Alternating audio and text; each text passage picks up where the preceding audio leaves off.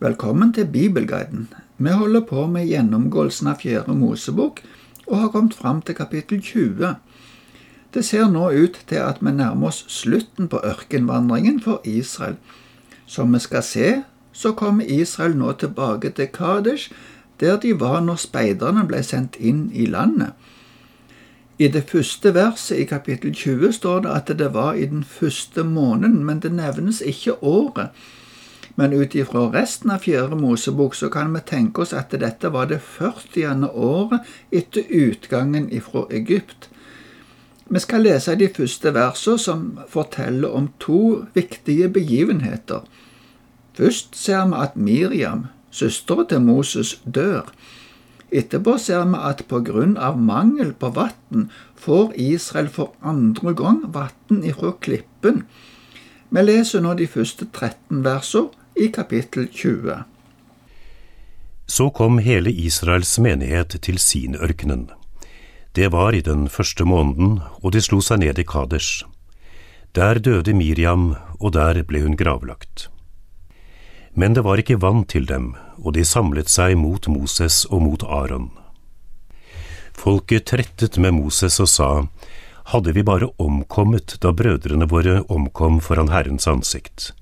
Hvorfor har dere ført Herrens forsamling ut i denne ørkenen så vi må dø her, både vi og våre husdyr?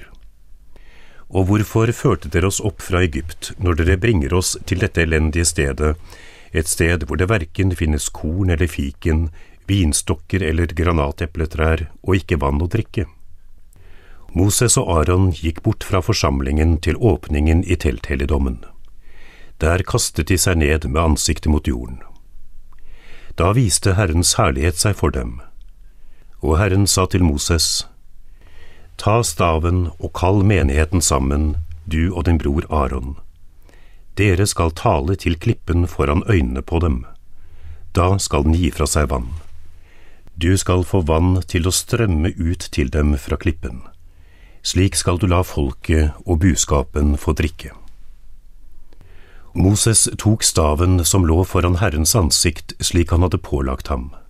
Han og Aron kalte forsamlingen sammen foran klippen og sa til dem, Hør nå, dere opprørere, tror dere vi kan få vann til å strømme ut fra denne klippen? Så løftet Moses hånden og slo to ganger på klippen med staven sin. Da fosset vannet fram, og både folket og buskapen deres drakk. Men Herren sa til Moses og Aron, dere trodde ikke på meg og helliget meg ikke foran øynene på israelittene. Derfor skal dere ikke få føre denne forsamlingen inn i landet som jeg har gitt dem. Dette er Meriba-kilden, hvor israelittene trettet med Herren, og hvor han viste at han er hellig. Miriam var noen år eldre enn Moses, så hun var nok nærmere 130 år, i alle fall minst 125 det står ikke mer her enn at hun døde og ble gravlagt. Hendelsen som beskrives om at de mangla vann, og at folket på grunn av det samla seg imot Moses og Aron og tretta med dem, som det står, får oss til å huske på at dette hadde hendt før. Vi ser at de klager på at de hadde blitt ført ut av Egypt. Det ser ut til at de nå tenker at det var mye bedre å være der. Det ser ikke ut til at de husker alt det harde slavearbeidet de måtte gjennomføre der. I plassen så snakker de om både korn, frukt og vann som de hadde i Egypt. De opplever denne plassen og på en måte hele vandringen som Herren og Moses leda de som elendig. Moses og Aron kasta seg ned for Herrens ansikt. Dette er igjen et tegn på inderlig bønn og kanskje fortvilelse. Gud sa de skulle ta den staven som de hadde brukt tidligere, for så å vise at Gud ordna opp i problemene.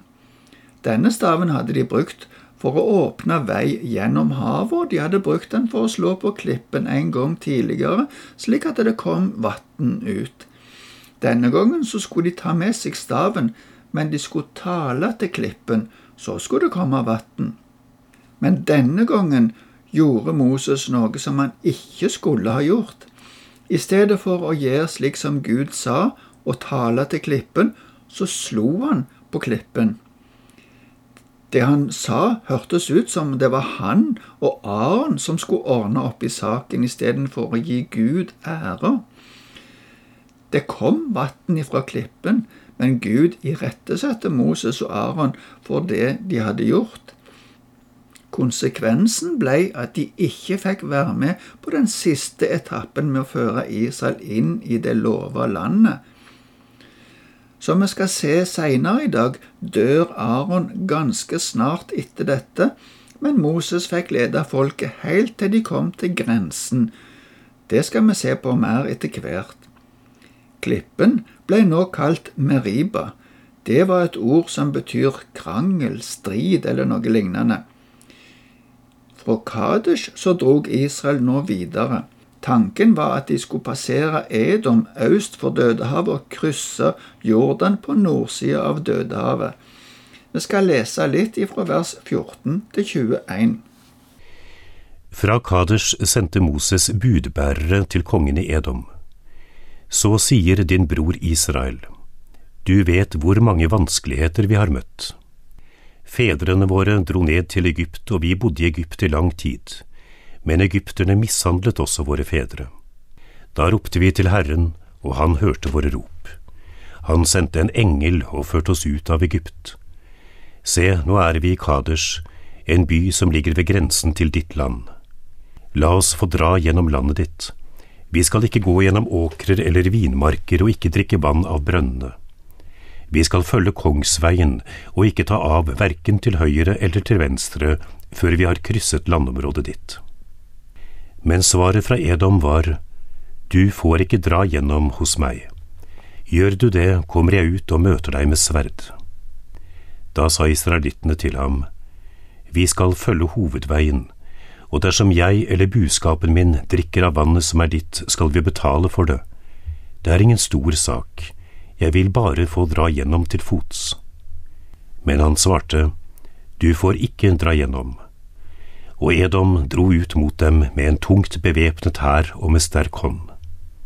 Edom nektet Israel å dra gjennom hans land, og Israel bøyde av. Edom regnes som et broderfolk til Israel. De var òg etterkommere etter Abraham. Moses sendte beskjed til dem der han fortalte om alt det Gud hadde gjort for dem da han fridde dem ut ifra Egypt. Nå ønsker de bare å gå gjennom Edomlandet langs hovedveien.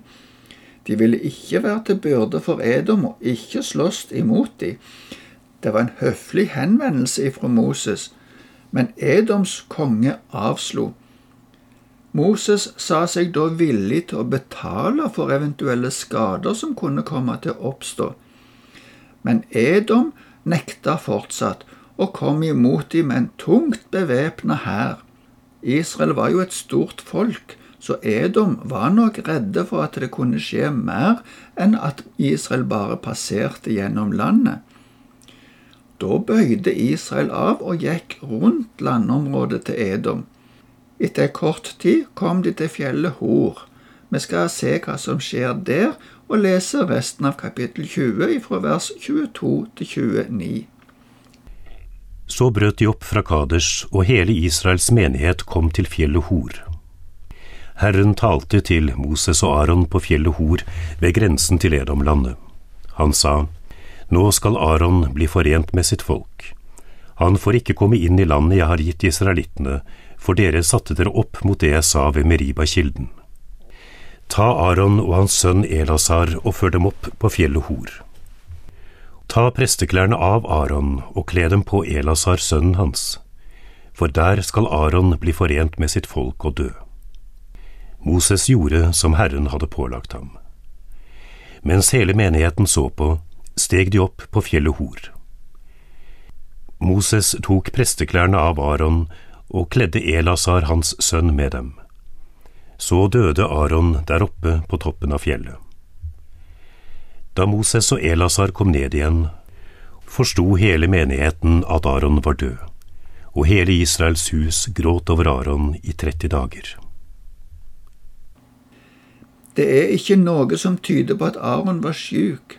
Han var gammel, hele 123 år, men han hadde likevel nok styrke til å være med opp på fjellet. Moses skulle ta med Aron og sønnen hans Elasa opp dit. Der skulle Aron overgi stafettpinnen til nestemann, nemlig sønnen Elaser.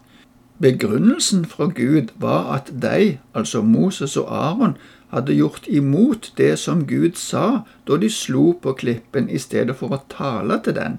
Her oppe skulle Aron ta av presteklærne sine, og Moses skulle kle Elaser i dem. Hele folket så når disse tre mennene gikk opp på fjellet.